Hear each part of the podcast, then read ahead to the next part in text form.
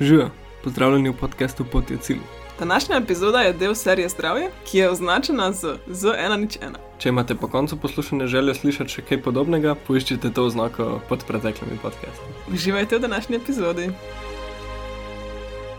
Živijo, živijo, hitra, hitra, opomba, opomba. Tole je nadaljevanje prejšnjega dela, kjer smo govorili o anatomiji in fiziologiji pljuč, danes gremo pa naprej še na kakšne zanimive tematike. Tako da, če si želite poslušati prejšnjo epizodo, jo imate v opisu oziroma v vašem feedu dve epizode nazaj.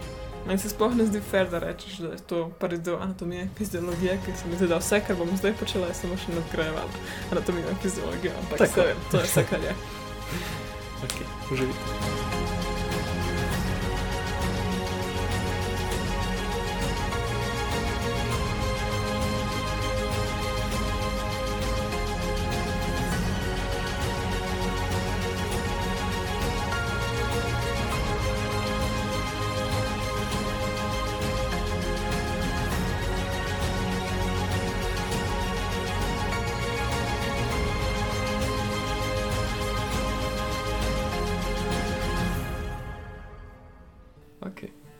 Hvala. No, pa, pa lahko nadaljujemo malo kar na mm, vprašanje, ki, sem, ki so se mi porajala. Nek, nekatera so malo bolj random, nekatera so pa malo bolj specifično, pa še na bolezni se potem malo dotaknemo, pa energije kot take. Cool. Prvo vprašanje, s katerim bi začel. Se pravi, v prejšnjem delu si omenjala tiste tentikle, tiste prste, ki Cilije, cilje, ja, ki čistijo pljuča. Pa me zanima, če imaš kakšen tak nasvet, kako ohranjati pljuča čim bolj čista, oziroma a obstaja kaj, ki bi lahko tem ciljem pomagal, čim bolj spucati naša pljuča, ali pa karkoli tega, ker vem, da sploh dihalne bolezni ali pa dihalne tako mm, neprijetnosti so take, da z vsakim dnem naj potem malo hojiš, malo hojiš in a lahko kaj naredimo, da nekako upočasnimo vsaj to slabšanje ali pa na kakršen koli način pomagamo. Ja, dihamo čez zrak. Mm. Pač Kaj bi bil zate čist zrak? da ne dihaš prašnih delcev, da ko hodiš po makadamski cesti, ne vdihuješ vsakič tega na polno, se vem, kako to umetniško težko. Da ne dihaš sveče direkt pred sabo, da ne dihaš dišečih stvari, ki so v zraku več čas takih umetnih, recimo Recimo dišečih bencin. sveč. Benzin, benzin, o moj bog, benzin je grozno. Cigaretni dimi, ljudje, ki kadijo alkohol, o moj bog, ne moreš to bak dihati, katastrofa. Pa da se tega ne diha, pa, a pa kaditi, recimo, to tudi ni preveč idealno, ne. Tako da, meni je to, da ohranjamo pljuča čim bolj čista od zunanjih stvari, ker ko so čiste zunanje stvari, nimajo tega fizičnega dela, da morajo skozi pa nekaj čistiti, Mhm. skozi pa nekaj vanda. Vse sicer imamo mi te makrofage, ki zelo dobro delujejo, imunske celice, ki so prav specializirane za pljuča, Mhm. ena vrsta makrofagov, ki tam živi. No, oni super delajo, tudi proizvajajo na, na tele proti telesa, IGA se proizvajajo tam, skrbijo za vse viruse in tako, kar pride, ampak prašni delci, to, kar je pa dejansko fizičnega, ne tako žuga, temu se mi lahko vsaj probamo izogniti, to je nekaj, kar mi lahko naredimo. Virusi, bakterije, pač to pride in to je in to je del življenja, temu se ne moreš izogniti, tudi če nosiš masko, boš še vedno na nek način prišel do virusov in bakterij, če ne prej, pa zdaj, ker boš to vdihal svojo masko, da bo potem že iz te maske začel rasti nove bakterije in viruse iz tvojih ust, ampak to vedno bo del, vedno je del, vedno bo del pljuč in pljuča imajo, sistem, ki se s tem zna boriti. Tako da nič ni specifičnega, kar lahko za pljuča narediš, ampak samo da živimo tako zdravo, da naš imunski sistem ima priložnost delati optimalno in se osredotočati na zdravljenje, ne pa osredotočati na reševanje stresa. Tako da, ja, to je to. A veš, ker včasih sonce si je lepo v tvojo hišo Ja? in takrat se zaveš, koliko je prašno skozi okrog tebe, Ja. ko vidiš vse te O prašne. moj bog. A si kdaj slišala za kakšno foro, ki bi mogoče zmanjšala prašnost zraka tako v hiši? Kot nek tak antivlaga, samo za an, antiprah, recimo. Pač prva stvar, ki mi pade na pamet je, sigurno obstaja neka mašina, ki pobira prah. Tako nek tak ventilator, ki Ja. pobira, tako kot ima noter neko membrano in se noter jamejo vse Ja. ja. prahci, ampak neko še nisem videla, tega moram reči.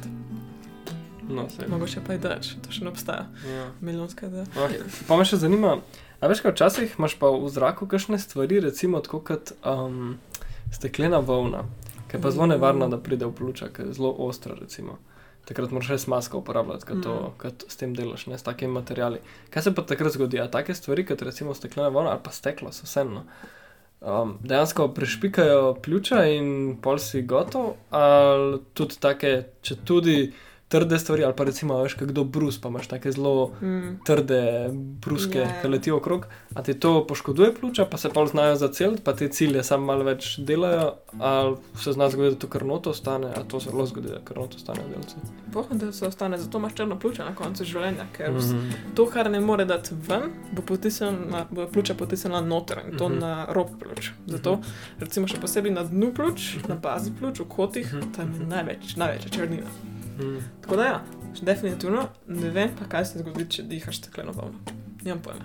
Zdaj, V teoriji, ja, če pač dihaš nekaj, kar je ostro, se bo porezalo, karkoli, neka stvar se bo porezala, telo bo to zacelilo, ali bo kravito, ampak tudi zato imamo mi te makrofage in vse delce. Mm. -hmm. Makrofagi tudi pojajo krvne celice, ki pa nas več zaidejo tja in tako naprej. Mm. -hmm. Makrofagi so kar taki, oni, tak meni, ki je veliko. Res, oni vse pojejo. Ja, ja, noro je, ker ti gledaš, kaj oni vse pojejo. Noro, kaj se lahko pojejo, to je čest neverjetno. To samo eno vrsto njih ali jih je več. Ne, mak- makrofagi so sploh ene najbolj gledanih celic. Vojska, ja, ampak imenujejo se makrofagi, ampak vsak organ ima pa makrofag, ki je diferenciran na svoj poseben način, specializirano za ta organ. In dela pač to, kar ta organ potrebuje. Recimo, fulje zanimivo za kosti. Imaš take makrofage, ki potem jejo kostne celice stare, da lahko potem nove Mm, kostne celice cool. nastajajo. In potem imaš makrofag, ki ima milijon jeder vseb, ker sam nabira jedra od vseh celic, ki jih je že pojedel. Ful fascinantno. Tako, vidiš toliko novih stvari, telo res zna, ampak kar je fora, da imunski sistem se vedno prilagodi prostoru, kjer deluje. In zato makrofage, se rečem, to je eno tako vse splošno ime, Mhm. ampak v ključih jim pa rečemo alveolarni makrofagi. A imaš makrofage, kaj jejo makrofage? Sigurno. Ko makrofago se zmeša, pa pride drug makrofag, pa ga poje. Kul, kul, fulaver. Okay, pol, zdaj smo glih na, tej, um, na teh pljučih, ne se pravi, da se ti. Res, Na- zdaj smo na nalaga- ključih. Ja, ja, nisem vedela. Nisem vedela, ok. Spravi, ki se ti nalaga na dnu pljuč, ne, s časom te delci. Pa aj to, kaj je povezano s tem, ker recimo veš, včasih vdihneš, pa prav čutiš tako, uklele dol me pa pljuča bolijo. Ne, No, kaj, kaj je to, kaj te zabolija? Samo pač tkivo, ki je okrog pljuč, ker za vmes dodal fakt, da pljuča samo po sebi nimajo čutnih celic. ja, to je res. Tako da recimo ena full nevarna oblika raka je pljučni rak, ker ga začutiš samo, ko je v stazi 4, mm -hmm. se Mhm. pravi četrti fazi razvoja, se pravi, imaš dva meseca, da živiš. Ker No, ja, malo več, ja. karkoli že, ne, ampak tako zelo pozno se ga odkrije, ker ga dejansko ne čutiš. No. Um, pa če zanima, kako je to bolečina, pa pljuča. No. Ni pač pljuča te ne bolijo, lahko te pa plevra boli. To je ena stvar, se pravi, plevre so vedno zjučene, To je ta ovojnica, ki govorili. okoli, ja. Ja. Kar te velikrat, velikrat boli prsni koš in pol, prva stvar, ki jo vsi asociiramo, je seveda srčna kap, verjetno, ker smo tako naučeni. Mene bolijo prsni koš toliko velikrat, da bi mogla biti zdaj mrtva, če bi bil to kap, ampak velikrat te bolijo mišice. Tele Mhm. interkostalne, interkostalne mišice, se pravi medreberne, Mhm. in one znajo boleti na smrt. Ja. Ko ti preveč vdihneš in se one ko um, napnejo, ne, zna zelo boleti, še posebej, če smo nekaj aktivnega dela. In pa se počutiš, da te bolijo pljuča, ampak te ne bolijo pljuča, bolijo te mišice. Mhm. Boli te lahko diafragma, boli te lahko plevra, če pride do kakšnega vnetja. Ne. Pljuča, seveda, malo vnetja, kot vse druge stvari. In to boli. To pač boli, ker sicer znotraj pljuč tega ne čutiš, čutiš pa na plevri, čutiš v sapnici. Mhm. Recimo, če imaš ti, uh, ko se to reče, pneumonitis, pl- pljučnico, pljučnico, dejansko, ko kašljaš, pokajo alveoli. Ne vem, če ste to gledali, že vedeli, da je nekdo imel pljučnico. Če si upajte, dajte uho na njihova pljuča, ko kašljajo, lahko na hrbet, O moj bog. slišiš se, kako hrskajo alveoli. In to boli. To pa boli, kot pri norcih. Sploh ne vem točno, zakaj to boli, ker niso živčene, ampak po mojem zato, ker te spraska še po sapnici, pol ali pa tako. Ampak ja, Mhm. ful neprijeten občutek. Mislim, mesto ni tako zgodilo, ker sem Ja. yeah. poslušala nekoga, pa še zdaj sem tako, kar bolijo me pljuča, ko to Ja. govorim. E, zdaj, ko govoriš o tem, včasih, ko me pljuča bolijo, me pol srbi hrbet. In vem, da so pljuča tudi tako bolj na, na zadnjem delu, se pravi, tem hrbtnem delu prsnega koša, ker tudi ljudje, ki se utopijo, ne, dejansko jih dvigne navz, tako s hrbtom navzgor, ne, se pravi, glavo navzdol. Pa me zanima, so dejansko zelo fizično zadaj, ali so samo malo tako postavljena pikica bolj nazaj. Mm, Tako recimo, da se dotika kaj bolj v zadju, ali so čisto v sredini. Čisto lepo so postavljene noter. Ja. Se pravi, če ti pogledaš našo ključno prsno votlino, ta toraks poteka od naših ramen, ne, čez Mhm. vso rebrno votlino do diafragme. In zdaj, full velik šok. Poglejte, kje imate niple, razen če ste ženske, pa moške dobro visijo, ampak tam, kjer bi niple v teoriji bili, tam je diafragma, tukaj se pljuča končajo. What? Ja. Full noro. Kaj pa to spadi? Ja, to, kar so pa rebra spodaj, ne? Pa jedra. Ja, tam so jedra, pa želodec, pa tako naprej. Ampak niso pa pljuča. In pljuča so spet ful manjša, kot si predstavljala, čeprav pljuča se mi zdi, da so še najbolj tako. Enako vredno velika temo, kar sem si jaz predstavljala, ampak zelo so visok pljuča. Se pravi, rebrna votlina niso pljuča do dna rebrne votline, ne te slučajno. Končajo se pri diafragmi. In zdaj, seveda, ko mi vdihnemo, se bo diafragma spustila dol, sploh se bo povečal toraks, poveča se bo ta rebrna votlina, ne? Potem ga trebuh ven, ker grejo diafragma dol, če poješ še malo zraka, še bolj. Ampak, ampak ja, s tem potem dejansko povečamo velikost pljuč. Pljuča so pa v mirnem stanju do naših bradavičk.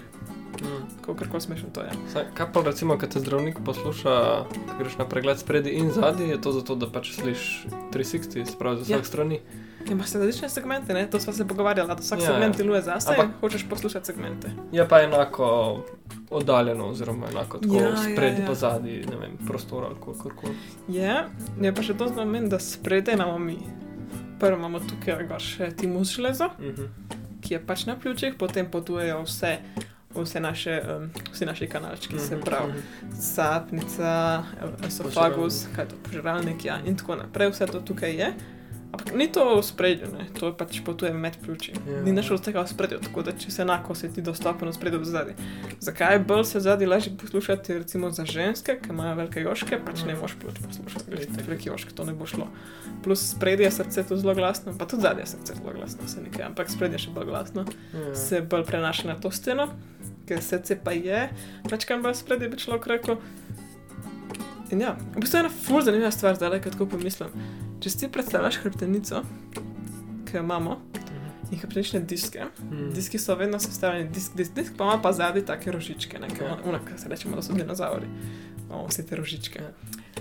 In če ti pogledaš presek, da bi zdaj mene tako le prerezal prek pljuča, pa prek toraksa ali abdomna, je. kjerkoli trupla na pol, hrbtenični diski so zelo v sredini. Zelo v sredini našega Pa telesa. hrbtenica, pa hrbtenjača. No. Ja, ja, pa hrbtenjača. Ja. Zelo, zelo, zelo v sredini našega telesa. Niso tako zadnji na hrbtu. Pač, ja, so zadnji na hrbtu, ampak veliko manj zadnji, kot si predstavljaš na Ja. prvi pogled. In zaradi tega, recimo, ker je srce direkt v tej srednji li- liniji, je srce praktično čez spredi, pljučno krilo ga pokriva. Ampak to je bilo najzanimivo, zdaj sem se tega spomnila. To je res, da hrbtenica ni čisto zadnji, ker imaš ti fing, da je zadnji. Mhm. Hrbtenični rožički so zadnji. Sorry, ko rečem rožički, ne spomnim se, kako se reče. Ampak ja, hrbtenica je pa dost v sredini, ni v sredini, ampak je dost tako v sredini. No. Ja. Recimo na tretjini, dve tretjini skoraj, na tretjini. Ja, do. Cool, no, se prej sem omenjala še te mišice okrog pljuč, to je bilo meni ful zanimivo, ker sem treniral plavanje in potem so iz fakultete prišli delati en, kako pa zdaj, eksperiment, recimo temu, ker so v bistvu želeli ojačati ali pa vsaj gledati, kako se jačajo um, mišice okrog prsnega koša, ker recimo za plavalca je pomembno, ne, da ko vdihne, vdihne čim več, pa čim hitreje. ne. Čim bolj močno, da imaš res močen vdih. In potem smo z enimi takimi napravami, ki so oteževali dihanje, smo mogli ful tako močno Mm. vleči noter, pa močno pihati ven. Ne. In si dejansko treniral mišice in je bilo zanimivo, ne, tako kot lahko ti treniraš mišico, kaj nikoli nisi, pa je pol ful čutiš, medenično dno ali pa karkoli. Ne. Tudi to sem prvič čutil, tako kako me bolijo mišice okrog pljuč, tako cela rebra sem čutil. a Veš, Mm. tako, A vsak tako, kot da imaš tako srčni infarkt, ko te res boli noter vse. To sem saj vedel, zakaj. Ja, ne. vse vem. Ampak je bilo ful zanimivo ne? in kaj dejansko se je na koncu izkazalo, da smo ful lahko natrenirali moč svojega vdiha pa Mm. mm. izpiha. Ne? Ne, ne pa za res kapacitete. Pa me zanima tudi, kle, a, mogoče veš, od česa je odvisna kapaciteta pljuč. Se pravi, jaz vem, da lahko, ne, recimo, če plavaš veliko časa, ne, se pravi, če treniraš plavanje, ker to res skozi treniraš mišice, pa to razteguješ, se pravi, pa tudi s postavo skupaj pride to, da imaš malo večjo kapaciteto, ker ti dejansko skozi tem delaš in je to tvoje nekako rodje in s tem se ukvarjaš, se pravi, se bo ojačalo, kot kratko. Um, zdaj jaz ne vem, ker to načeloma velja za takrat, ko odraščaš, a pol, ki si enkrat odrasel, načeloma tvoja kapaciteta ista ostaja, ne glede na to, kako ti delaš ali pa s čim se ukvarjaš v življenju, ali se tudi to spremenja. Um, pa tudi tako, no, ali lahko potem dejansko, ko si že odrastel, vplivaš na to, pa imaš kakšno foro, kako bi šlo, si kdaj kaj slišala. Mm. Jaz sem tudi provala to mašino, ampak nisem pa vedela, da dejansko lahko pri odraščanju natreniraš telo, da poveča kapaciteto pljuč. Je pa res, da kapaciteta sama po sebi je odvisna od elastičnosti tudi, Uh -huh. koliko se pljuča raztegljiva. In to je zelo pomembno. In recimo pri kadilskih boleznih, tale KOPB, ki je najbolj opevana kadilska bolezen, se mi zdi, ti zmanjka te elastičnosti. In potem ne moreš več tokrat stegniti pljuča, in ko jih ne moreš več tokrat stegniti, ne gre več tok zraka noter. Zato elastičnost je super pomemben faktor v tem, kakšno kapaciteto Mhm. pljuč ti lahko dosežeš, če želiš. Da, ne, vem, ne vem pa, kako se skrbi za elastičnost. Pač ne uničiš jo. In tako imamo dobra elastična pljuča, sam nekaj diš, pa ne daješ slabih stvari noter v pljuča. Uh -huh. No, Ampak ja, nisem pa nisem niti vedela tega, da lahko ti kot otrok se natreniraš, da boš imel večjo ključno kapaciteto. Ma se bolj gre s tem, recimo, ne, in tudi plavalska postava je to, da imaš recimo širša ramena, zato ker mm. delaš na tak način z mišicami, pa tudi pustiti v vodi, da se telo obremenjuje na čist drugačen način kot mm. na Mhm. kopno. In dejansko je pa posledica tega, ja, da otroci, ki so trenirali, imajo pol pač merljivo večje kapacitete in ne samo moč mišic, ampak tudi dejansko več vdihano. Ampak se logično, a ni, pač ti dejansko Ja, ja, ja. delaš na svojem tako, konstituciji telesa, ne. Mm. In če je posledica in hkrati uporaba to, da imaš pljuča večja, pač ima smisel nekaj v tem, no, se mi zdi. Preden nadaljujeva, da zdaj še odgovorim na vprašanje odprej. Če se pri odraslih dejansko da povečati kapaciteto pljuč, ja, da se, ne sicer velik, ampak vedno se pa da z intenzivnimi dihalnimi vajami vplivati na kapaciteto in jo tudi malo povečati. Ampak recimo, povečana kapaciteta pljuč sama po sebi ti ne more toliko pomagati, kot če imaš ja. ne, ne kot moč, ampak ti lahko neko določeno število kisika predaš v kri. Ne moreš ga neskončno. Mhm. ker rabiš za vsak kisik se mora vezati nekam. In ko tebi Mm. zmanjka rdečih krvničk, se pravi hemoglobina, ti ne moreš več, ti imaš lahko kakorkoli velika pljuča hočeš, ampak itak že v naših navadnih pljučih se ponavadi, ne, ne ponavadi, v zdravih pljučih se nikoli ne porabi. Se zelo malo pač kisika dejansko premakne v kri. Mhm, mhm. Če bi mi imeli, imamo full rezerve, še imamo lahko zelo nezdrava pljuča, pa še vedno zapolnimo, saturiramo totalno hemoglobin s kisikom. Se pravi, ni to kot da imaš ti večja pljuča, pa večjo kapaciteto, pa tako naprej, kot je v tem, da ti imaš več hemoglobina, Mhm. zaradi tega pa pol pridejo potem te steroidi, Pa pa EPO, pa to, Mhm. pa potem treningi na višavah, kar Mhm. ti povzroči več hemoglobina, ker potem pa ti lahko izkoristiš več Ja, kisika, itak. ki se lahko veže. In to je pa to, kar ti da kondicijo, to je to, kar ti da zdravje, to je to, kar Mhm. dejansko pomaga telesu delovati boljše, hitrejše in jače. Tako Ja. da kapaciteta ni nič sama po sebi, če nima nekaj, Ja. kar bo lahko nosil kisik. Ja, vse velike kleje delčkov, ne, Hmm. vse nekaj. Um, če se pa drugače odvisna kapaciteta, samo od uh, tako, kako se tvoje telo razvija, pa kakšne imaš gene. Ali, Pač ja, vel- velikost, raztegljivost, seveda sestava, ne, koliko je kolagena, koliko je elastina. Mhm, mhm. Pa ja, vse pa s tem gre pa tudi ta prehrana, pa športnost, pa to vse, Mhm. kar si govorila. Ne. Dejansko lahko skrbiš za svojo kvazi kapaciteto s tem, da pač skrbiš za absorpcijo, pa za to, da tvoje Mhm. telo dobro dela s tem kisikom. Ne. Ja, ena specifična stvar je tudi difuzija, ne, ti moraš imeti. Difuzija mora laufati, ker Mhm. obstajajo tudi bolezni, ki se dogajajo na alveolih, pa potem difuzija ni več tako dobra, se pa ta prehodnost plinov ne deluje več, Mhm. kot bi morala. In spet, to je spet neka vrsta, mislim, to spet uniči nekako to, za kar so pljuča Ja. v naših Ja, velik delčkov je, ker- je lahko narobe. Ne. Ja. No, pa se zdaj si že omenjala tole tudi uh, višinske priprave. Ne?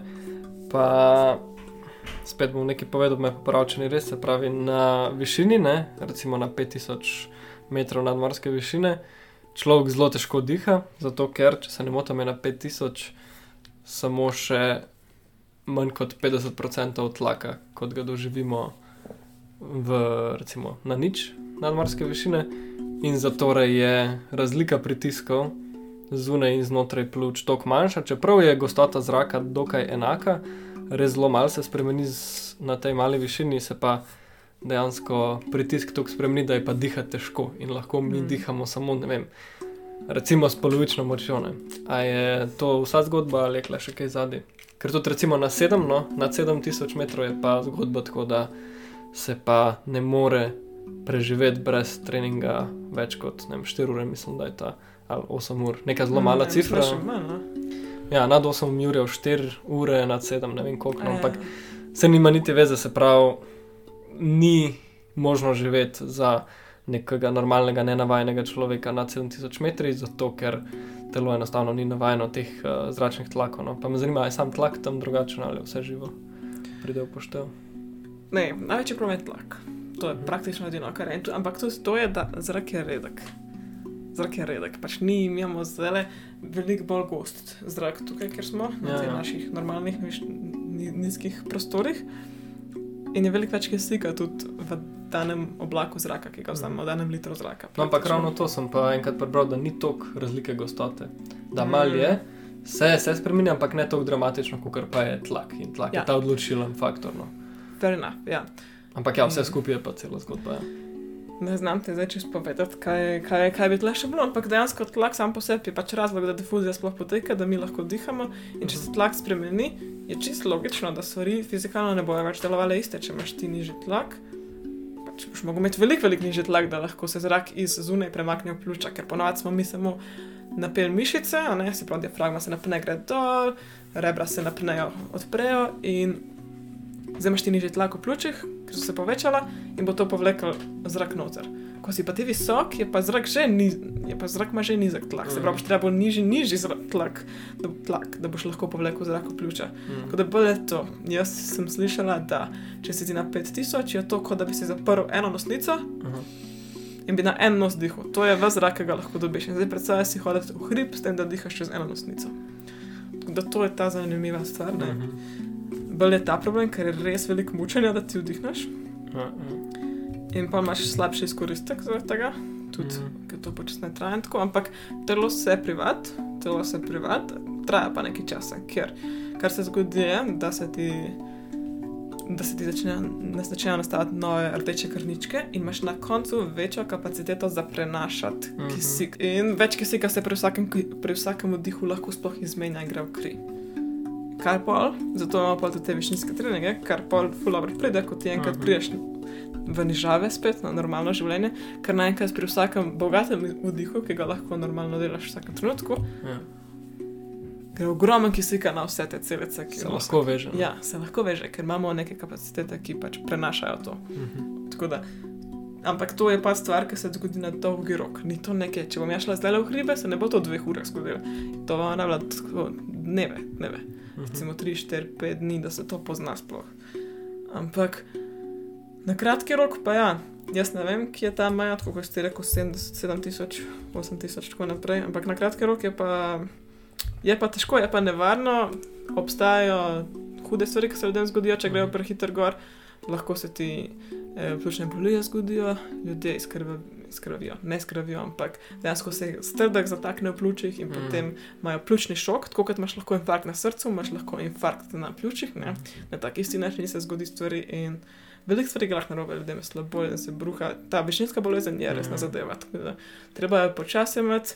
Počasi je da se telo lahko prilagodi, ker ta tlak je šok in tlak Mhm. vse v nič. To, kar nek stvari deluje čisto na tem fizikalnem principu tlaka v našem telesu, da te spremembe se zelo poznajo. Ja. Ja, to je tako večinoma, kar je fora, ki se hodi v Himalajo. Je to, da rabaš to aklimatizacijo Mm, upoštevati, se ja, pravi, ja. tri dni na tej višini, tri dni na Ja, tisti ja, ja. višini. Ker marsikdo bi zmogel iz 0 na 8 ur laufati, če bi bilo vse normalno. Ne? Ampak ne gre, dejansko telo ne more. Ne more in je fascinantno. Ampak Ampak ti veš, kako je bilo, ko sem videla šla na 5 ur. Točno to, O ja. moj bog. Ko si nad 5 ur, vsak korak je največja muka, kar se ga v življenju naredi. Sko V hrib, jaz, jaz sem ga na trenutku, tako jaz ne morem več. Jaz sem 40 metrov do vrha, ampak ne vem, do 500. ja, To se pozna. Vsak korak, en korak gor na 5 ur, se počutiš, kot da se moraš usesti in zelo 30 minut dihati, kot da se glih kar odlaufa maraton. ja, ja. Bila sva v formi, pa 14 dni na tej višini. Pa Ok, nič ne, bila sva na 14 dni na 3 ure, ampak. Ja, na 3 ure, ja, se to. Ja, že ful visoko. Ja, no. ja. Res 5 ur je pa res ena taka maja. No. Mhm. Ja, Pa že na tri ure, ko sem prišla na tri ure, se spomnim, ti si. Ne, jaz sem najprej čutila, sem je tako en dan zelo vrtel, pa pa lepo sem prespala, pa to pa je bilo boljš, ampak tudi ti si v enem trenutku čutila, ne, če sem ja, motil. ja, kar, kar. Ker čudeš, prva slejte v jame, moraš se navaditi, no. Ne Mhm. moreš kar preskakovati etape. Je pa kul, cool, no, jaz sem pa nazaj prišel, pa sem delal iste aktivnosti kot prej, pa se do polovice nisem tako Mm. zmatral. Mm. Jaz, jaz sem bil kot robot, sam nad sabo sem tako, kaj se dogaja, pač čisto fascinantno. Res hudo. no, neutrodljiv postaneš. Ja, Res ja. huda fora. Čisto hudo.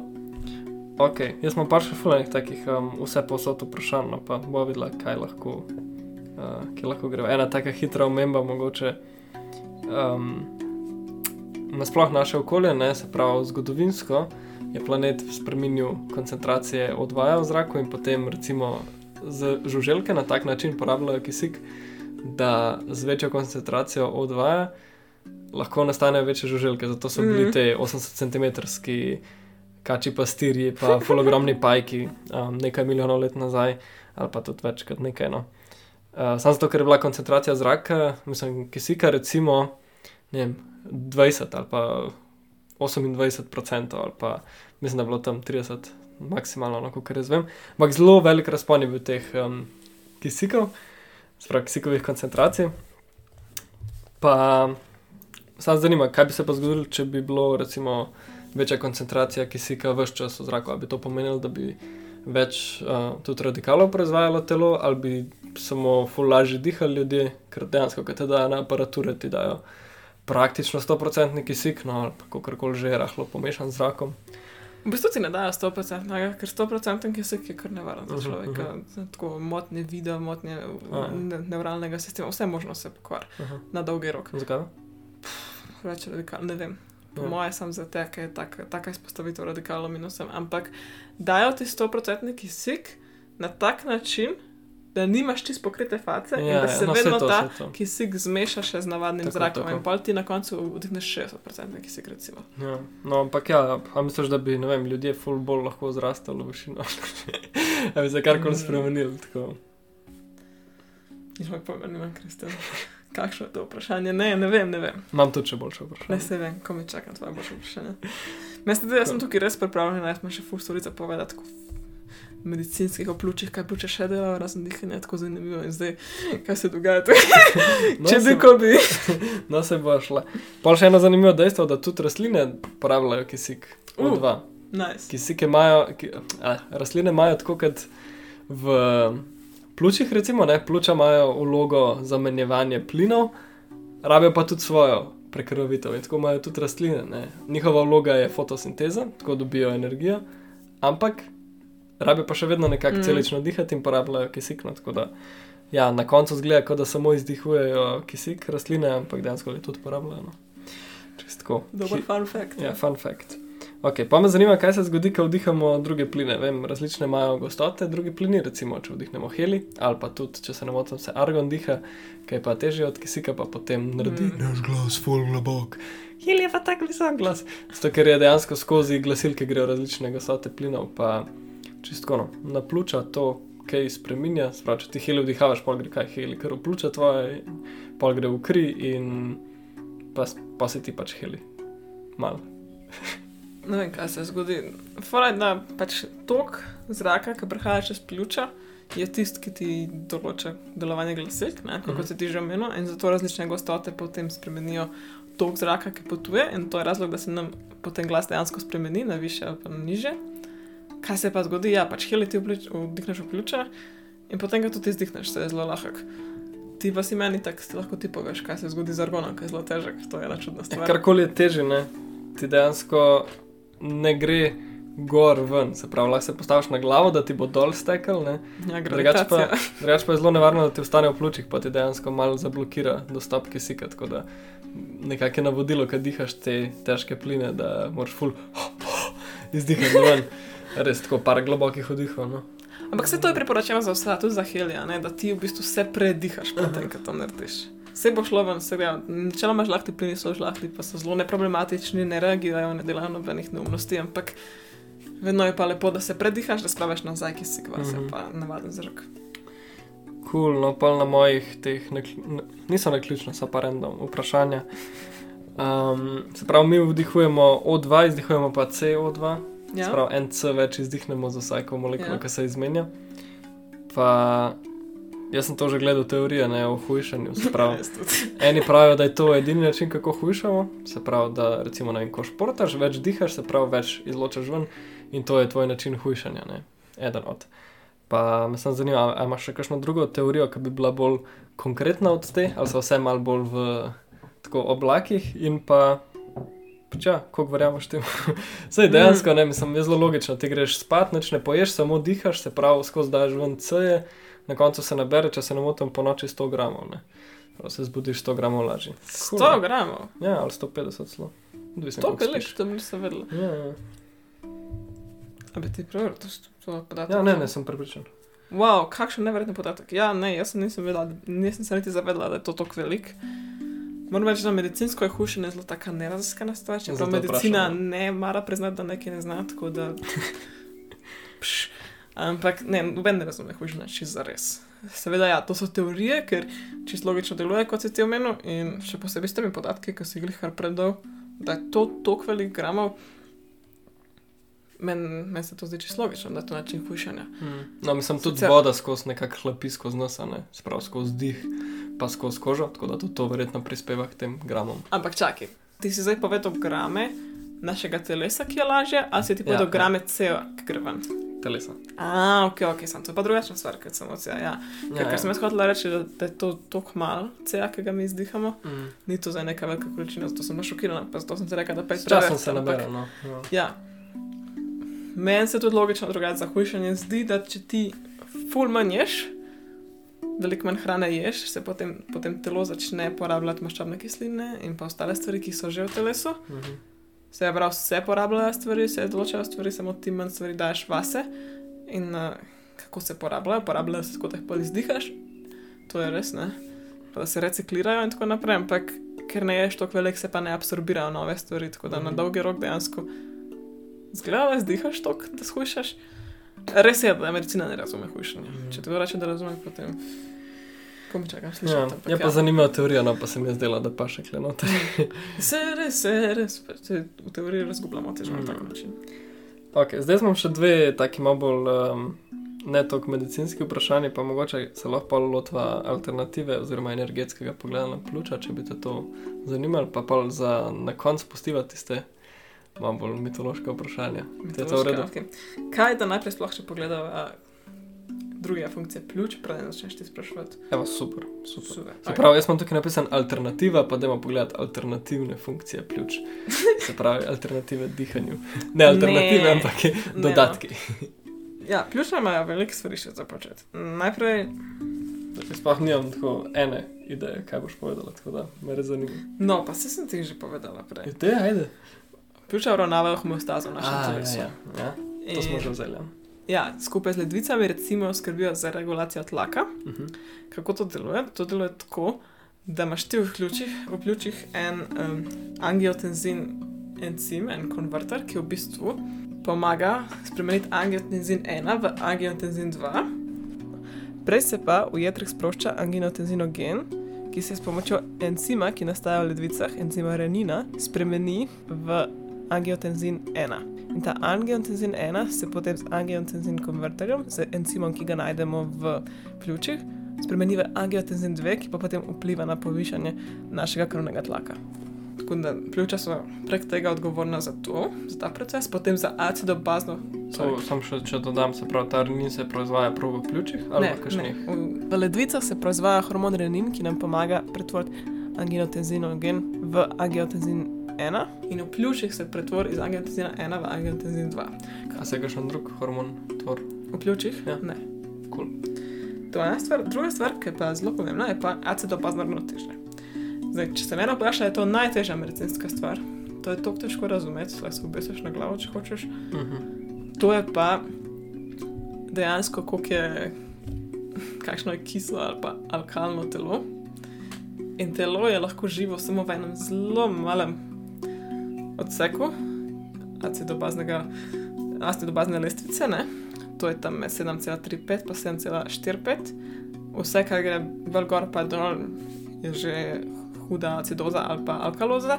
In ko prideš pod 7,25, umreš, recimo, in enako v drugo smer, 7,55. In kako pa pljuča skrbijo za to? Zdaj, CO2, ko pride v kri, sem jaz rekel, da se 50-75% prenaša s hemoglobinom. Ne, ne, ko pride v kri, ampak ko pride v kri iz celic, ne iz pljuč. Uh -huh. Se pravi, iz celic na poti do pljuč bo 75 vezano na hemoglobin. Kaj se zgodi z ostalimi 25%? 3% so v obliki CO2, potujejo dejansko raztopljen plin v kapljevini, v naši krvi, ampak ostalo, ostalo pa potuje v obliki um, oglikove kisline. In oglikova kislina, se pravi, ki so telo. Ome bog, to je tako težka teorija, mislim, tako sam na hitro razložim. H, spravo vodikovi teleprotoni so tisti, ki v bistvu povzročajo, so odgovorni za to, da je neka okolje kislo. Če imamo mi veliko H, bomo rekli, to je pa kislo več kot je H, ionov, bolj je neko moče kislo. In zdaj iščemo. A to se nikoli ne govori o H3 plusih. Ja, seveda se, le imamo tudi H3 plus, vse. Ja, pa H, H3 plus razpade na H2, pa H plus, pa imaš pa H plus. Okay, no, Končni faktor je H plus. Sej, seveda se to govori tudi v kakšni koli kol molekuli, ki lahko razpade na H plus. Enako se zgodi recimo CO2 plus H2O, v bistvu dobiš to oglikovo kislino plus H plus. Ja, H2CO3, H3 pa H plus, ne, ali pa plus H plus. Ja. V vsakem primeru stvari, ki potencialno lahko razpadejo na H so kisle in povzročajo kislino. In CO2 pa H2O sama za sebe sta super oba. Ko pa jih združiš, pa dobiš ogljikovo kislino, ogljikova kislina potem razpade na H, pa HCO3 minus. In to je situacija, ki, ki se naše telo, mi moramo izdihati CO2, zato da se voda ne bo več mogla vezati s CO2, da ne bo se to dogajalo. In ti lahko tako intenzivno dihaš. A veste, ono, ko se da ženskam vrečke, da dihajo ženske, imajo ženske panični napad. Sorry, pač ponavadi so ženske. Ja, ne vem, ne, to je samo zato, ker so v medijih ženske predstavljene kot živčne, Ja. pa histerične. To je zelo grdo, da sem rekla, ampak jaz smo tudi žensko v glavi. Tudi moškim se to dogaja. Ja, daš vrečko, zaradi tega, da se potem vse čas diha isti zrak, da potem ženska tudi vdihne Mm. nazaj CO2, oziroma moški, ki se reče ženska, ali to. Ful mi je žal ženske, o moj bog, jaz sem tudi punca. No ja, da oseba na, nazaj vdihne CO2, ker ko ti tako intenzivno dihaš, izdihneš toliko CO2, da alkali, alkaliziraš svoje telo in postane v bistvu bolj alkalno. In potem že uničiš to acidobazno ravnotežje. In vsi procesi v telesu delujejo zaradi tega ravnovesja. Če ti pokvariš to ravnovesje, začne kar vse neha delovati. To je tragedija. To je ena od treh najpomembnejših stvari, ki jih mora telo več časa ravnavati. In se pravi, mi lahko z dihanjem znižamo našo zakiseljenost, se pravi, se lahko alkaliziramo, ampak hitro pa to postane nevarno, ker se preveč alkaliz alkaliziraš. Lahko padeš skupaj, če ne dobiš vrečke za dihati v vrečko, da pa CO2 vdihneš nazaj. Tako da to je prostor, ki ga pljuča spet uravnavajo skupaj z um, ledvicami. Tukaj je spet ena povezava, ker ledvice pa potem izločajo recimo to ogljikovo kislino, tako da se lepo povežeta, spet skrbita za to ravnovesje. Tako da to mogoče bi to kot glavne dve stvari še omenila, za kjer pljuča skrbijo. Še kot zadnje pa tudi imamo mi v bistvu neko protekcijo iz pljuč, ki deluje na način, da izločamo stvari s tem, da jih izdihnemo. Recimo veliko enih hormonov, ki nastanejo, naš tudi mi izdihnemo, recimo prostoglandini, pa potem kakšni, tudi serotonin lahko, pa kakšni leukotrijani, pa to, to so vse neki deli imunskega sistema našega. Pa tudi v končnem primeru, vsi poznamo zadnje čase keto dieto, ne, ko človek strada, nastanejo ketonska telesa v telesu in to zamenja glukozo, ker ni dovolj glukoze za vse organe, da bi se prehranjevala in potem se prehranjujemo s ketonskimi telesi. In en stranski produkt tega je aceton. In aceton recimo izdihnemo čez pljuča. Tako da pljuča tudi imajo to lastnost sekrecije. No.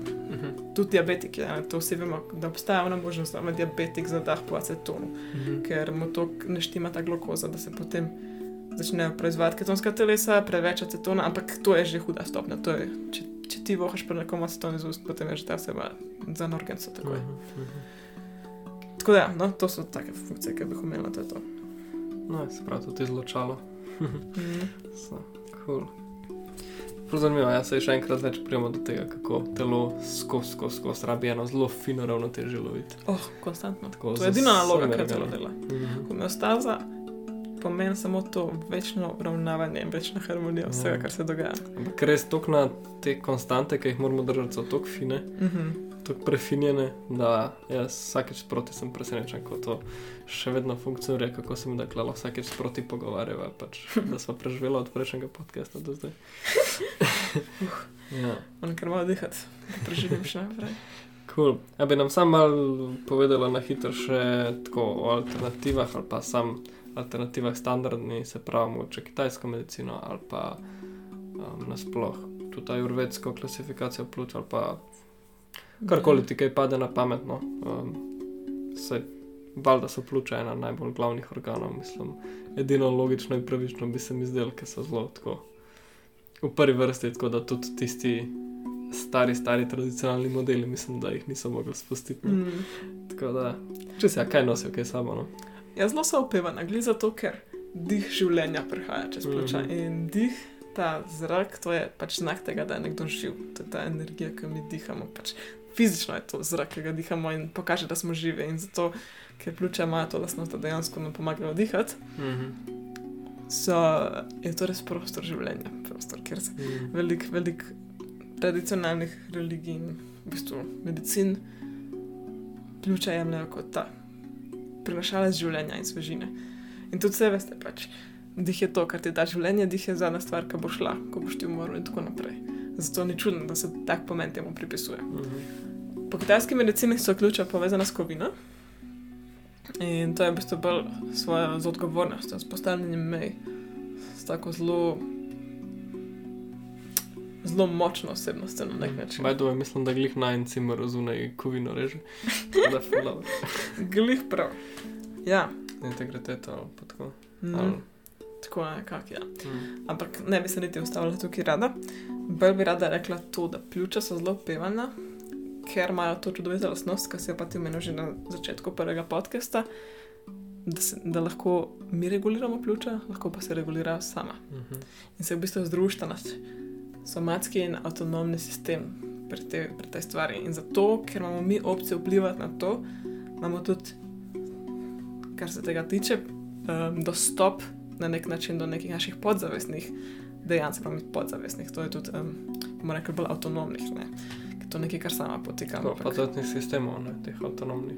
Ja, Od imunskega dalje. Točno tako, točno tako. In moče zanimivo, nisem še omenila tega, ampak pljuča, kot imamo simpatični in parasimpatični sistem, pljuča spet delujejo glih obratno, kot bi človek mislil na prvo žogo, ker ponavadi parasimpatično umirja, se pravi dilatira in simpatično tisto, ki dela konstrikcijo, ampak pri pljučih je spet glih obratno.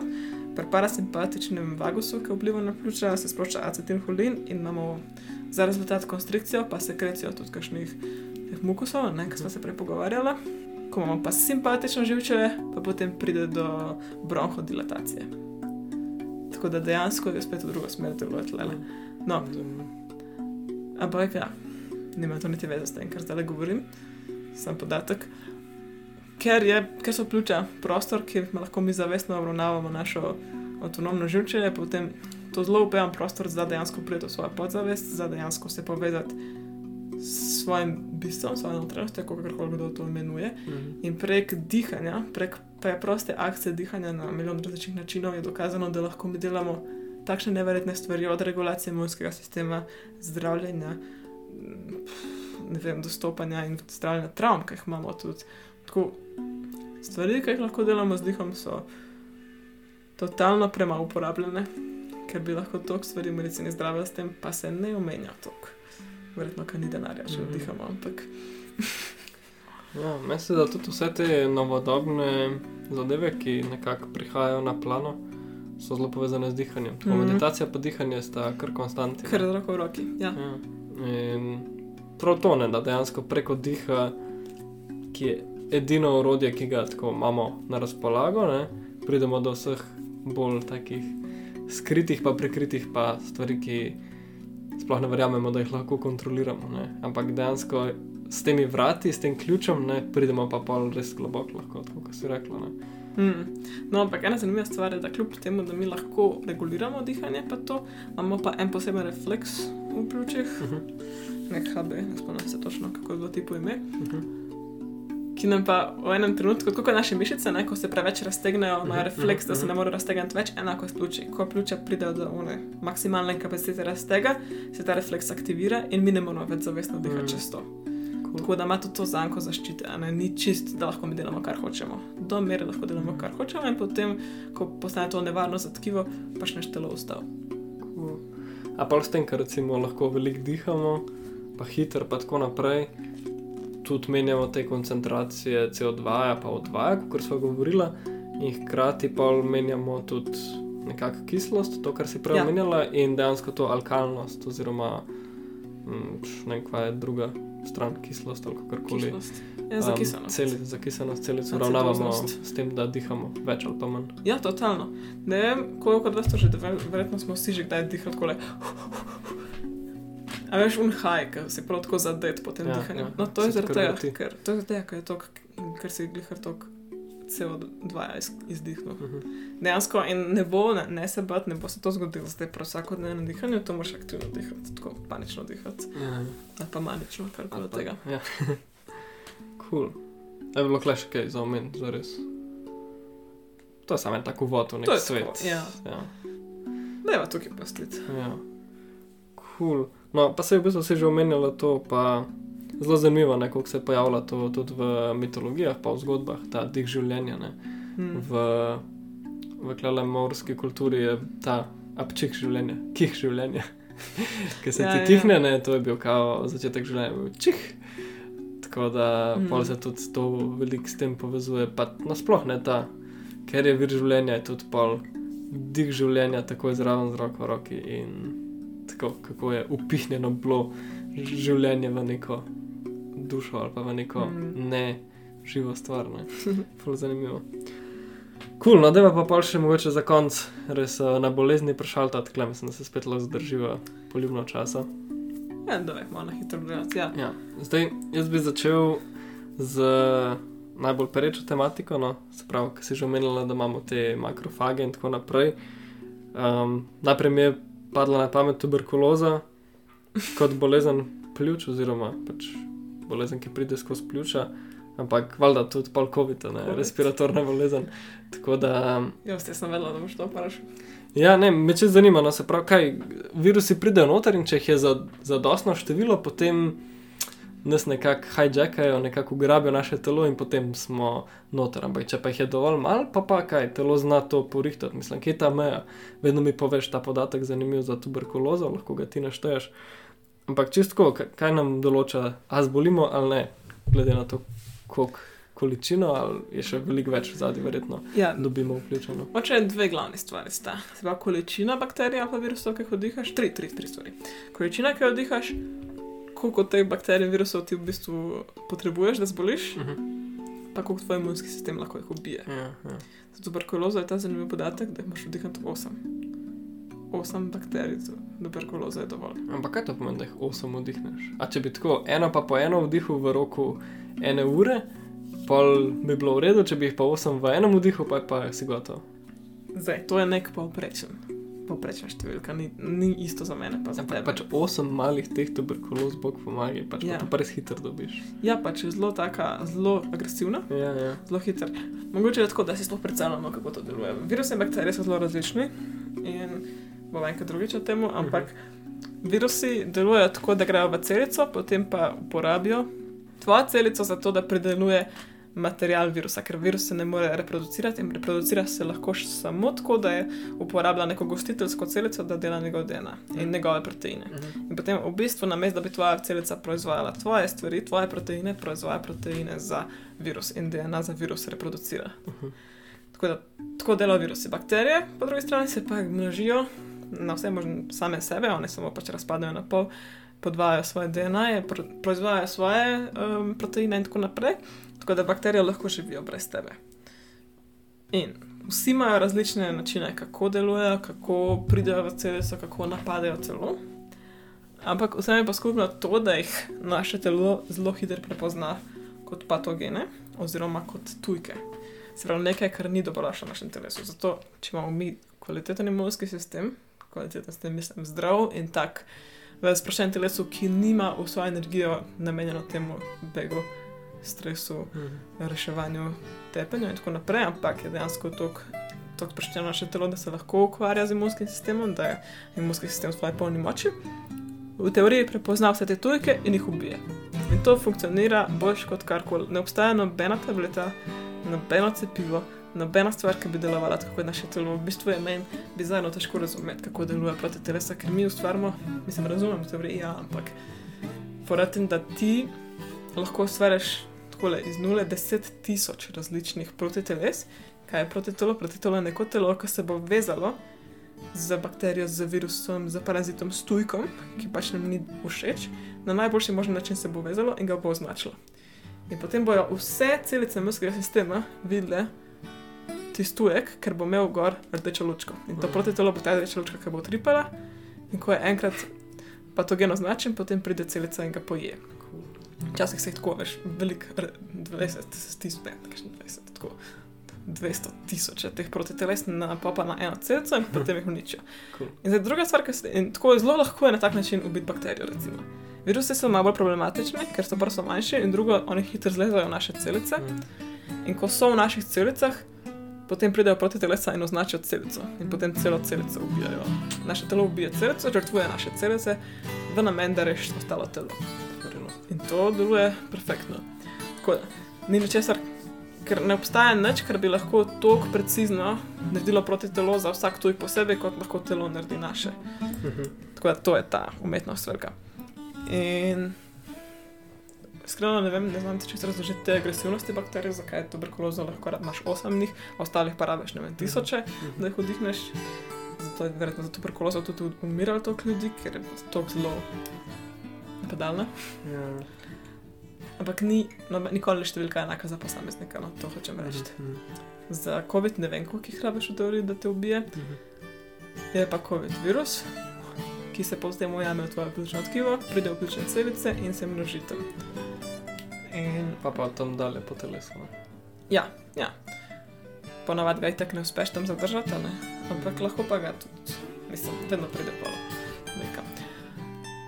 Ampak fora je v tem, da ko telo se proba boriti proti tujkom in ko začne ubijati celice ali pa ko začne ubijati tujke, nastaja, mi temu rečemo po domače gnoj, ampak nastaja vnetje. Mhm. In zdaj je ful veliko vnetje, ker celice umirajo, nekam pač nekam mora ta masa iti. In pa ostale celice pojejo to, kar so to omrtvičeno celico in uporabljen njen material. Ampak to pač poteka, veliko več celic umira naenkrat, takrat, ko so vnetja, kot se dejansko eh, čisti. Tako da potem pri tem vnetju je vse. To je en tak del procesa naših telesov, ki še ni optimiziran, bi jaz rekla, ker po nesreči ubijamo veliko zdravega tkiva zraven, Mhm. Ker v tem, unetu, v tem unetnem tkivu se sprošča ogromno nekih citokinov in nekih molekul, ki potem kar vplivajo na vse okoljne celice, ki tudi če so zdrave, jih potem ubije, jih uniči, jim škoduje in tako naprej. In tudi ne, a poznate ono, ki si narediš rano in je mehna in pa čez tri dni je ful večja rana, ker je pač še toliko um- okolje umrlo. Pač to, so, to je imunski sistem naredil. Imunski sistem, ki te hoče zavarovati pred bakterijami, ki so prišle v rano Mhm. ni to pač poškodba sama po sebi. In to se zgodi pri vsakem unetju. In boljši kot imaš sicer imunski sistem, bolj bo lahko to ogradil, da bo na nekem manjšem območju, a ne pa hitreje se bo končal. Ampak dejansko je unetje posledica tega, da mi nekaj že zdravimo, da mi nekaj že popravljamo, samo da pač traja, da to popravimo, oziroma včasih pač ni uspešno in tako naprej. In Ja, in to se zgodi pri COVID-u. Pa se pač vnamejo pljuča in ni- niso več tako aktivna za svoje, za dihanje, težje dihati, zato tudi potrebuješ kisik. Jaz sem celo slišala, da imajo ljudje lahko travme od tega, ker niso sposobni dihati, ker je to tako strašno. in Imaš ti posttraumatski sindrom, potem, ker nisi sposoben dihati, ker je to nekaj tako primarnega, pač dihati. Da se dušiš. no. Ja, imaš ti ta občutek dušenja. Tako da to je načeloma ta problem, ki se zgodi pri, tudi pri gripi. Ne? Gripa isto deluje, pač gripa je čisto ista stvar. En drug virus, ampak ista stvar, malo manj močna. Ampak jaz nisem se nikoli dajala čist v COVID um, vode. Ne, ne razumem točno, kaj ta virus. Vem, da ima nek svoj protein, ki mora se reči, bla, bla, bla, ampak ne znam čisto točno povedati. Pa vsega. se nima niti več. Ja.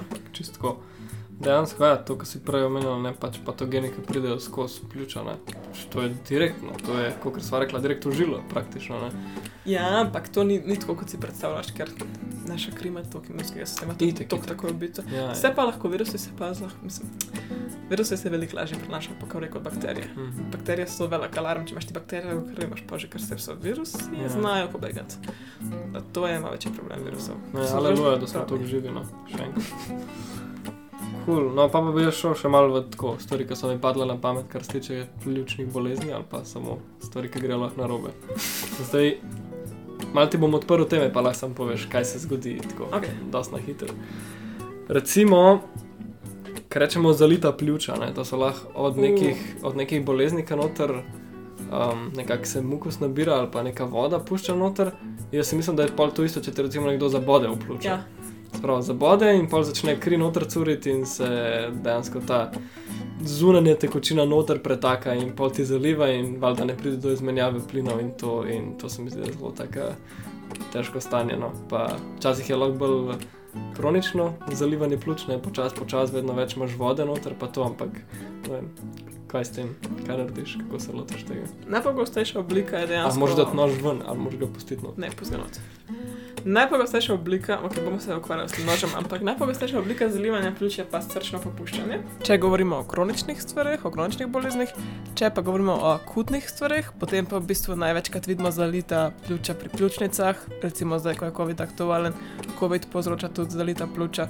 Pravi, katero koli netje bo pripeljalo do tega, da bo pljuča napolnjena s tekočino, z gnojem in serumom in stvarmi, ki pač ne spadajo tja, to pomeni, da bojo zalite. Zdaj pa, če se vrnemo k srčnemu popuščanju, kaj pa to sploh je? Aha. To pomeni, da srce ni več sposobno črpati na način, črpati krvi na način, ki bi ga moglo, zaklopke se ne zapirajo tako, kot bi se mogle, in kri, namesto da bi tekla cela naprej, jo vedno malo teka nazaj. Naš levo in desno stransko srčno popuščanje, Mhm. in zdaj ena stran telesa, se pravi, um, naša leva stran telesa bo skrbela za kri, ki gre v aorto, v potelesu, in desna stran bo črpala kri v pljuča. In če se slučajno zgodi, da imaš ti levo stransko popuščanje, bo kri, ki bi morala iti v aorto v telo, odtekala nazaj v uh, pulmonarne arterije, se pravi v pljuča. In potem se tam ustvari tak pritisk, da se dejansko naš serum cedi v pljuča in ti zaliva in težko dihaš. In imaš potem edeme, ti imaš natekla pljuča, dobesedno. In potem je treba iti na tablete za odvajanje vode, treba iti v bolnico. Tu je, jaz sem prav imela to priložnost, da sem bila delala na tem oddelku nekaj časa in z ljudmi, ki so imeli srčna popuščanja. In nekaj grozen. Nekaj grozen. No. To ni, ni neka luškana stvar, ker nimamo nobene zelo kakovostnega načina, nobenega kakovostnega načina to zdravimo, razen tega, da dajemo te odvaja, odvajala za tekočino ali pa srčna presaditev. No, Lahko zaklopke se popraviš, ampak zaklopke se ne, niso vse zaklopke take, da jih lahko popraviš. Ne. no. Tako da je težka stvar ta, ta bolezen. In Pogosta? Ja, pri starejših ljudeh, no ja, ful Ja. pogosto. Je zelo. In, ampak v bistvu ta pljučno srčno popuščanje ni tako pogosto. No. Ponavadi se bolj, bolj telesno, tako da kar se tega tiče vodo, ampak pa imaš pa ogromen vode zastale v udih, v nogah, še posebej za Mm. gravitacijo, pa tak trebuh imaš, tak velik nosečniški, ker če narediš kot roko, pok, ker tak so nami tako, trrrr, pa ne ušpeh, ampak prav tako voda je. Ker to je samo voda, to je Veš, to dejansko ljudje, ne, ljudje mislijo, pridejo zdravniku in rečejo, jaz sem se zredil v dveh mesecih za Res? 40 kg.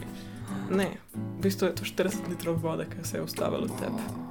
In potem je treba jesti, jesti pač medicino, ki ti pomaga odvajati te vode, vodo in kar naenkrat skušaš za 40 No, kg. Ampak to znam. mislim, ne znamo. Ne znamo super od tega. Ne da se, da se full uredu, ampak ni pa rešitve za res, razen da presvetliš srce. Wow. Tako da, ja, to se lahko na pljučih zgodi in to je najbolj aktualen način, kako mi dejansko imamo napolnjena pljuča s tekočino. Teženo dihanje zaradi tega, Mhm. nevarno tudi. No. Mhm. Seveda pač pa se greš v bolnico za par, za par tednov, da ti oni to popravijo. Ampak kaj si pa ti rekel z nožem? Ja, tukaj se ful težav zgodi. Ne? Najprej to, da ti zaliješ pljuča, ampak bistvena težava je ta, da se ti pritisk popravi. Pokvari. Ah, shit. In kar naenkrat ti nimaš več tega pritiska v prsni votlini in povečaš ti že malo Ja. ja. povlečev do zunaj. je, točno to je. In Ja. potem ne moreš dihati več kakovostno. Mm. Zato noža ne ven, ker pa bo znaš še večja šansa, da bo pritisk uničen. Če nož noter, mogoče pritisk ostane v redu. Ja. Plus, če daš nož ven, žile, ki so prerezane, mogoče ne bojo več tesnile na nož, ampak Ja, bojo ja. povsod okoli. To zavedno velja. No, Ja, pač nož vedno na noter. Ful, mislim, ne, če je že noter, ne. je noter. ja. Tako da to je kar um, problem. Takoj, ko prežeš, ko, pre, ko zadaneš plevro, takrat se že, takrat je že problem. No. Tole je fascijo, ker pol se že začne kvariti. Aj, že Tisk. luknjo. Ja. ja. ja. Tako da ja, tukaj imaš pa več problemov, razen tega, da ti pljuče za, zaliva, ampak sreča je pa to, da imamo dve pljučni krili. In če ti zaliva eno, ker si ranjen, imaš še vedno drugo pljučno krilo, razen če imaš v vsakem pljučnem krilu eno. Cool. Kaj pa to, ker recimo, ker se sapnico sicer dogaja, no, se pravi, da imaš vem, isto prebito ali pa zamašeno, da imaš kakšen tujk noter, ali pa recimo, ko se ljudje utopijo, pa jim malo zalije pljuča, tako, kaj so rešitve pri teh stvareh. Ok, pri utopitvah imamo tisto dihanje, kjer začneš z, z upihi, pa potem delaš eh, to oživljanje, ne? Ampak tako, kaj, kaj Se se kaj dogaja? no? vodo, tu v Ja, tako, primerih, tako, ja. tako. Ok, ne, tole, da si dve reči, so neštev. Se pravi, Ja, vem. če imaš ti zamašeno sapnico, v bistvu ponavadi pride ni tako, da imaš zamašeno, mogoče ja, če imaš zamašeno sapnico, da se tu jame neka rašida ali pa neka hrana, imaš dve opcije. Lahko pihneš noter in potem bo odnesel to dol, ampak imaš dve sapnice, tako da pihneš to močno, da odnese v eno sapnico in potem lahko eno pljučno krilo dihaš. Am po drugo umrlo? Ali? Ja, ne, takoj boš šel na urgenco in ti bojo mogli dati to ven. Ok, sem tako, če ne bi nič naredil, bi začelo odmirati plučno krilo, ali bi sam pač dihal na enega, pa bi tisto prekrvavljal še drugega. Mislim, če se spomniš, smo v bistvu prej govorili o tem, kako ima ta pljučni krili v resnici svoj krvnožilni obtok, ki jih prehranjuje, in potem krvnožilni obtok, kjer v bistvu oni delajo svojo nalogo, se pravi, da zamenjujejo ogljikov dioksid za kisik. Se pravi, to sta dva različna krvna obtoka. En je za hrano, in en je tisti, ki potem dejansko upravlja dihanje, da mi lahko dobimo kisik v kri sploh. Se pravi, če mi zamašimo sapnico za rašidom, oziroma en, eno od sapnic, potem še vedno bo celo kr- pljučno krilo imelo prekrvitev, imelo bo hrano, ki bo prešla pač po krvnožilnem sistemu, po žilah, ki so za to namenjene. Samo ostale žile, ki pa so namenjene za to, da pridobijo kisik, da ga nesejo po telesu, pa pač tega ne bojo mogli upravljati, zato ker se arašid ne odmakne, oziroma bojo upravljale to v zelo mali meri, ker ne bo to kisika, to zraka moglo priti v pljučno krilo. Se pravi, odgovor je, pljučno krilo ne bo odmrlo, ker pljučno krilo bo še vedno dobivalo kisik in hrano po svojem krvnožilnem obtoku, ki ga vedno hranimo, vedno daje kisik. Na dolgi rok pa sicer ne vem, kaj se zgodi, bi znal biti, da na dolgi rok pa začnejo kakšni koščki pljuč odmirati potem, ja. Ampak nisem pa prepričana. Ok, pa če se vrnemo k stvari, zdaj smo rekli, ena opcija je, da pihnemo noter, pa pa boljša opcija je pa te udarce po hrbtu in Heimlik, ne? ja, halvim prijem. Tako naprej, če je otroček, da ga daš na glavo in ga tako le za noge, tup, tup, tup, tup, da Mhm. gravitacija pomaga. Ja. Ali pa na koleno, tako le. Ja, ali pa na Otroka. koleno. In ne se ustrašiti. Tako jaz sem slišala in videla že primere, ko ljudje ne gre ven, pač ne gre ven, traja sto let, ampak sam delaš to še naprej. Na otročku, na dojenčku, Mhm. delaš še naprej, eno minuto, dve minuti, pač delaš, koliko je treba, ne vem, pa se ustrašiš in panika. Pač. Delaš to in delaš to, ker v enem trenutku bo mogoče začel delovati in večinoma vedno začne, ampak če pa nehaš delati, pa ne bo delovalo. Mm.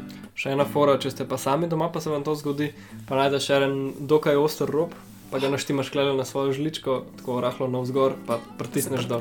ja. In mogoče vam včasih, mogoče vam kdaj to prav pride, upam, da ne.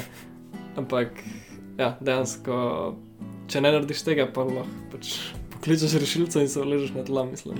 Ljudje umrejo zaradi takih stvari, no tako da. Ja, jaz poznam nekoga, ki je umrl medtem, ko je gledal futbol tekmo, pa je povedal rešiti. Ja, ja, tako da Nisem poznal, poznala sem. ne gledati futbola. To je tako. Ja, rešiti so nevarni, ker so taki zelo um, Glih prav velik. gladki, ja, pa tako zelo so. No, Nič ni hudega, no, pa se mi zdi, da sem jaz postala paranoična, ker sem ta podatek zvedela, da ljudje umirajo od tega, tako mi bo, kaj zdaj ne smem več Ja. jesti, ampak ni to neki. Ne smeš dramatičnih stvari gledati, kaj bi tako. Ja, ja, ja, ja to, to, to je fora, to je fora, da ne padeš v šok. Ok, ampak drugače pa ena posebna oblika te težave je, ko se tep zamašijo prostori, čez kjer lahko dihaš, se pravi nos in usta. In Mhm. zdaj, ker naenkrat jaz ne morem čez nos ali pa usta vdihati, recimo, da me čebela piče v usta in jaz sem ali še na čebelo, nisem, ampak tako v teoriji. Ali pa če recimo. tekle gor v sapnico, pa Ali se ti sapnico, sapnica, ja, ne, točno to, recimo, a ne. In kar naenkrat je ne mogoče več dihati. In to je največji problem, je ponavadi, s tem, ker malo ljudje pojo rašiti, pa reči ne rašiti, spet rašiti. V glavnem, mogoče take of death, nekaj jeste rašide. Razen, če se oblika rašidega masla, pa niste verični. ali pa če te čebela pič, osa in tako naprej, to so najbolj pogosti razlogi. Nateče usta, nateče v bistvu naše grlo in potem zrak več ne more noter. In tukaj se potem naredi ena zelo posebna stvar, ki je malo skeri, ampak mar se da reči življenje. In to je, da se tlele, ko imamo uh, hrustance v grlu, pošlata, ki je luknja med hrustancem, ne tega dela doma, folk, please. Lahko pošljete ne pa to, kar Ja, ja, sledi. ne to, kar sledi, pač moraš vedeti, kaj se dogaja.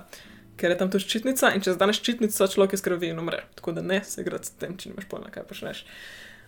Tudi če misliš, da boš nekomu rešil life. Rajš pokliči nekoga, rešilca. Pa razen če je sto let stran, pa ne tega ne rad. Tlele, kaj je lukenca, med hr hrustanci, pač čutiš eno zelo specifično veliko lukenco. In tam je treba narediti tanko zarezo. Zarezo, ko zadaš v grlo in potem daš slamco, čez recimo navadno slamco ali pa to, kar je v kulju, ki je tak lukenca, pa to ne. In potem čez to dejansko človek diha. Ker spet ne rabiš ti, nič, ne rabiš ti usta dihaš, ti rabiš samo, da se pritisk v pločih premika. Mhm. Ampak če pa človek nima luknje, katero bo zrak povlekel, potem ne bo mogel dihati. Tako da to je zelo luška način za rešiti življenje. A si kdaj slišala, kako pol to zgleda dejansko? Pol dihaš, sam ne čutiš nobene sape v nosu pa v ustih, ampak sam dihaš pač čisto sam dihaš se samo od sebe in pol itak. Do, do. Noro no, noro. Sam, to je meni res ostal fule dober, tako najbolj neverjetna stvar, da to lahko naredimo, res je dober.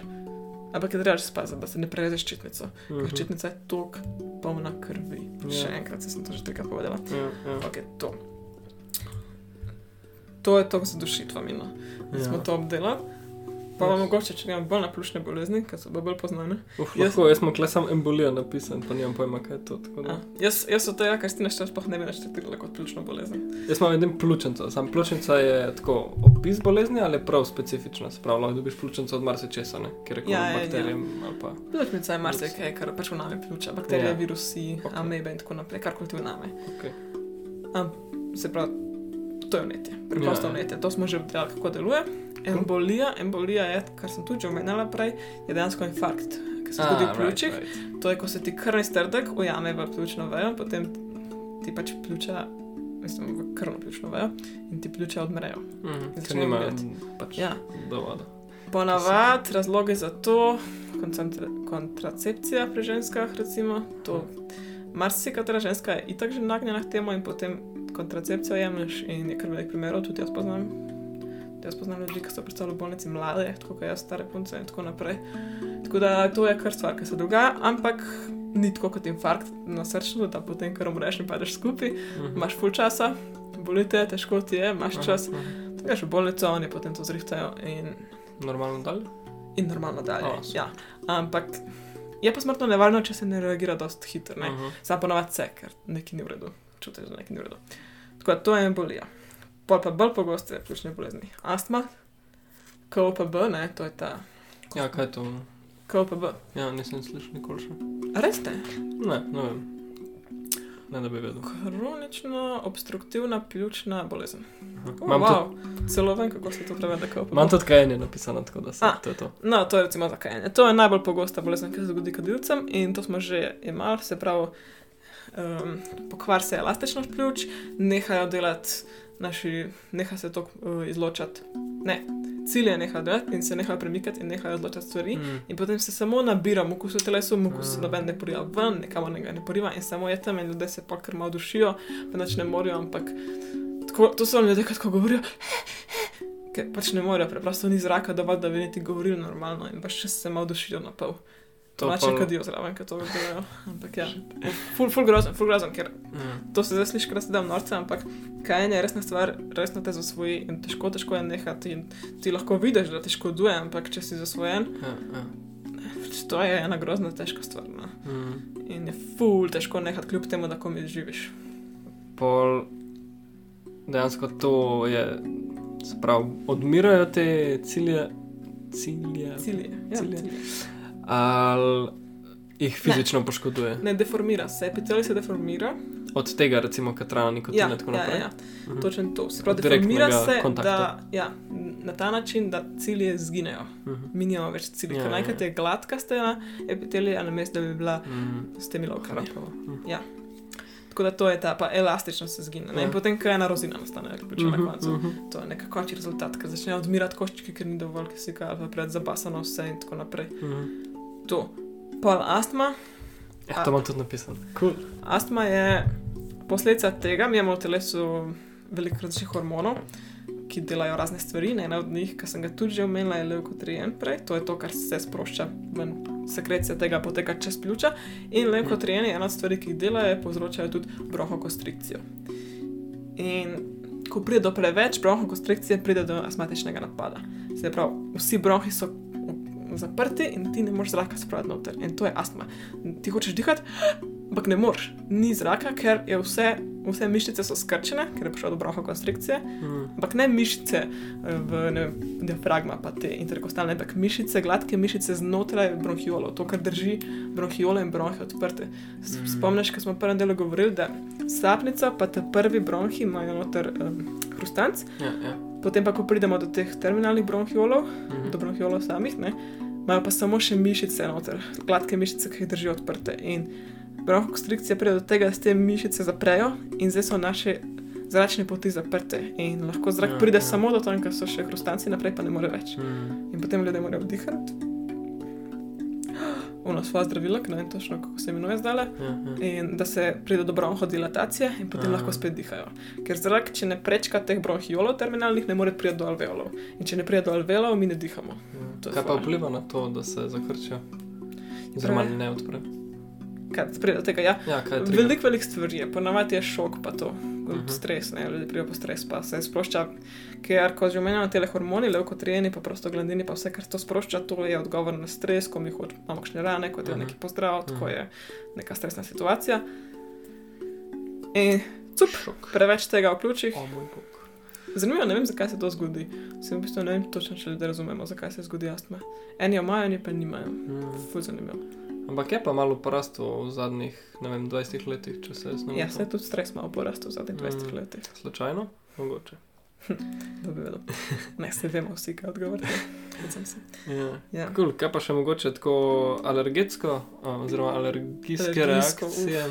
A se v pljučih tudi zgodijo, ali se večinoma znotraj, recimo sapnice, pa teh Ne, ne, zračnih poti? sapnice, ja. Uh -huh. Niso to pljučne stvari ponavadi. uh -huh. Redko kdaj so. Prav, recimo, če imaš vem, v zraku cvetni prah, pa si na to alergičen, pa se to dogaja v nosnih votlinah, uh Mhm. -huh. v sapnici, v žrelu, mogoče. Ja, ja, grlu, ja. Ja, ja, ja. Ni, ni zdaj, da bi pljuča karkoli imela s tem. Ne, nima. Sam pač nek pretiran imunski sistem na teh vhodnih točkah. Mhm, mhm. Točno to. V bistvu zdaj me to spomnilo še ene stvari, ki so mogoče že mačka namenila, ampak ne pa zares. Uh -huh. Ene stvari so za pljuča zelo nevarne, recimo azbest.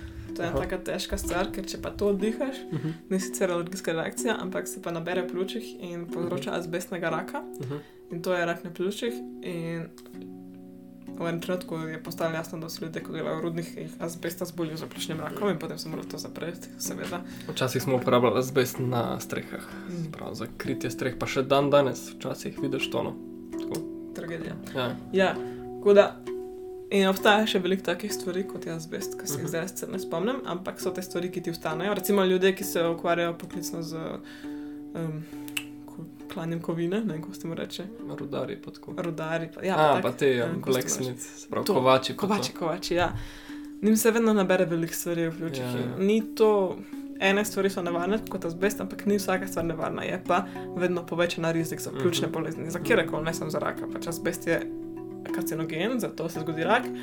A več te recimo navadne stvari, ki jih pa dihaš, ti pa samo povzročajo večjo možnost za kakršne koli bronhitise in tako naprej. Bla, bla, bla. Netja, kakršne koli dolgotrajne bolezni, kronične. Mm. Mi imamo klenga kolega, ki je rekel, da je delal v neki klarski industriji ali kaj zvem, pol leta, eno leto, kaj pa zvem, koliko časa. In potem je šel pa tukaj na X-ray, na rentgensko sliko narediti, pa se je dejansko poznal, tako da ima jeklena pljuča. No, tako da Mm. čist, čist grozno in fascinantno. No. Ja, pljuči se zataknejo stvari, no. težko jih je spucati. Ja. Vse to Ali smo že slovaril neki. No. Ja, kul, cool, no pa mogoče na, ta, na to vižo, evo, direktno bi pa zaključil še z enim vprašanjem. A imaš No, še kaj za dodati? vzeli. Ne. Super. No, to, to mi je malo padalo na pamet. Kako bi delovala, recimo, zmajeva pljuča, se pravi, ena žival, ki bruha ogen, kako bi to moglo nekako biti? Ker zdaj mi da misel ta, ne se pravi, če samo dihaš dovolj kovine, pa imaš dejansko tako privleko iz kovine, ki te malo ščita, veš, pred tem sunkom, sunkom vročine. Ali... Jaz sem se vedno tako predstavljala. Se pravi, zakaj bi imel ogenj že v pljučih? ne? Pa Samo Ja, moraš ja. imeti celo sapnico, pa vse ne vem, tako močno. Jaz ti predstavljam, da idealna, idealno bi bilo tako, če bi ti imel neko iskro, ki je tlele čist na koncu ust, ustne votline, Mhm. že skoraj zunaj in da imaš pol sam ta del jeklen nekako, da ne zgori, oziroma odporen na vročino. Mhm, mhm, Telo ima amazing način, da se prilagodi, nekaj ne drugega rečem. mhm, In da imaš potem, ne da bi dejansko dihal neke unetljive pline, mhm.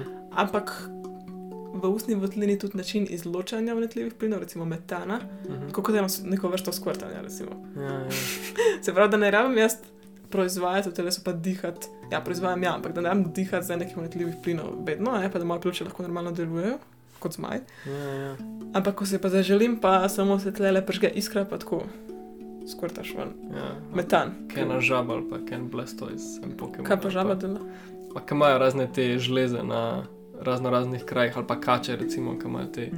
eh, strupne žleze, ne vse povsod, ki potem izločijo. Oni imajo čez obe, veš. Ja, se je točno to, ne? Na koncu zob bi recimo se Mm. izločil ta metan in potem sam bi ga žel. Ja, mogoče ne iskra na koncu zob, to bi bilo boš. Iskra na koncu zob, pa bi sam železa bi bile pa Ja, zadnji, ja. na recimo nebu, ustnem nebu, pa bi špricale ven čez. Hmm. Zdaj pa imaš imeti dobro zaščito v ustih, ne? Ja, točno. Moraš uporabljati dobro zobno pasto. Pa. Za zmaje. Cool, ja, pa taka, kako se že reče, um, lungs of steel, ali jeklena pljuča, ne? Pa saj to ciklih razlage ne raš med teklena pljuča. A ni to, a ni to ena taka, en izraz za neki, Kaj pa vem, ne vem. no, kakorkoli. Je pa res, da pol, mogoče je nevarno, če ti glih izločaš ta metan, pa gre čez iskro, pa je v bistvu glih ogenj in pol vdihneš ta ogenj.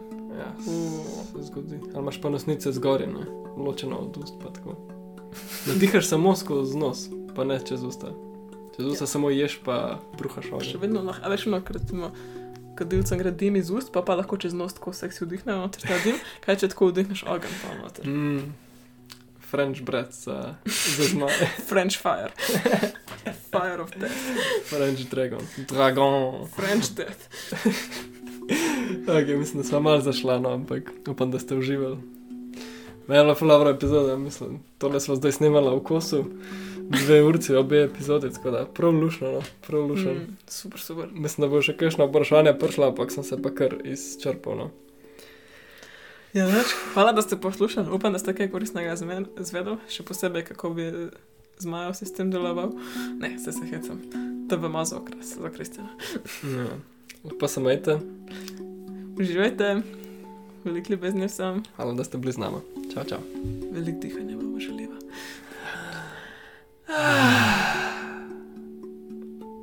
Bud. Hvala, da ste poslušali to epizodo. Če vam je bila všeč, pustite komentar ali oceno, vedno pa se lahko naročite tudi na naš kanal. Tako nam boste pomagali doseči vse, ki rabe slišati ta sporočila. Hvala za to. In če imate kakšnega prijatelja, prijateljca, družinskega člana ali kogarkoli, ki veste, da bi mu tole koristilo, prosim, delite z njimi. In skupaj bomo ustvarjali boljši svet. Mm. Veliko ljubezni vsem, Čau, čau. rada vas mava.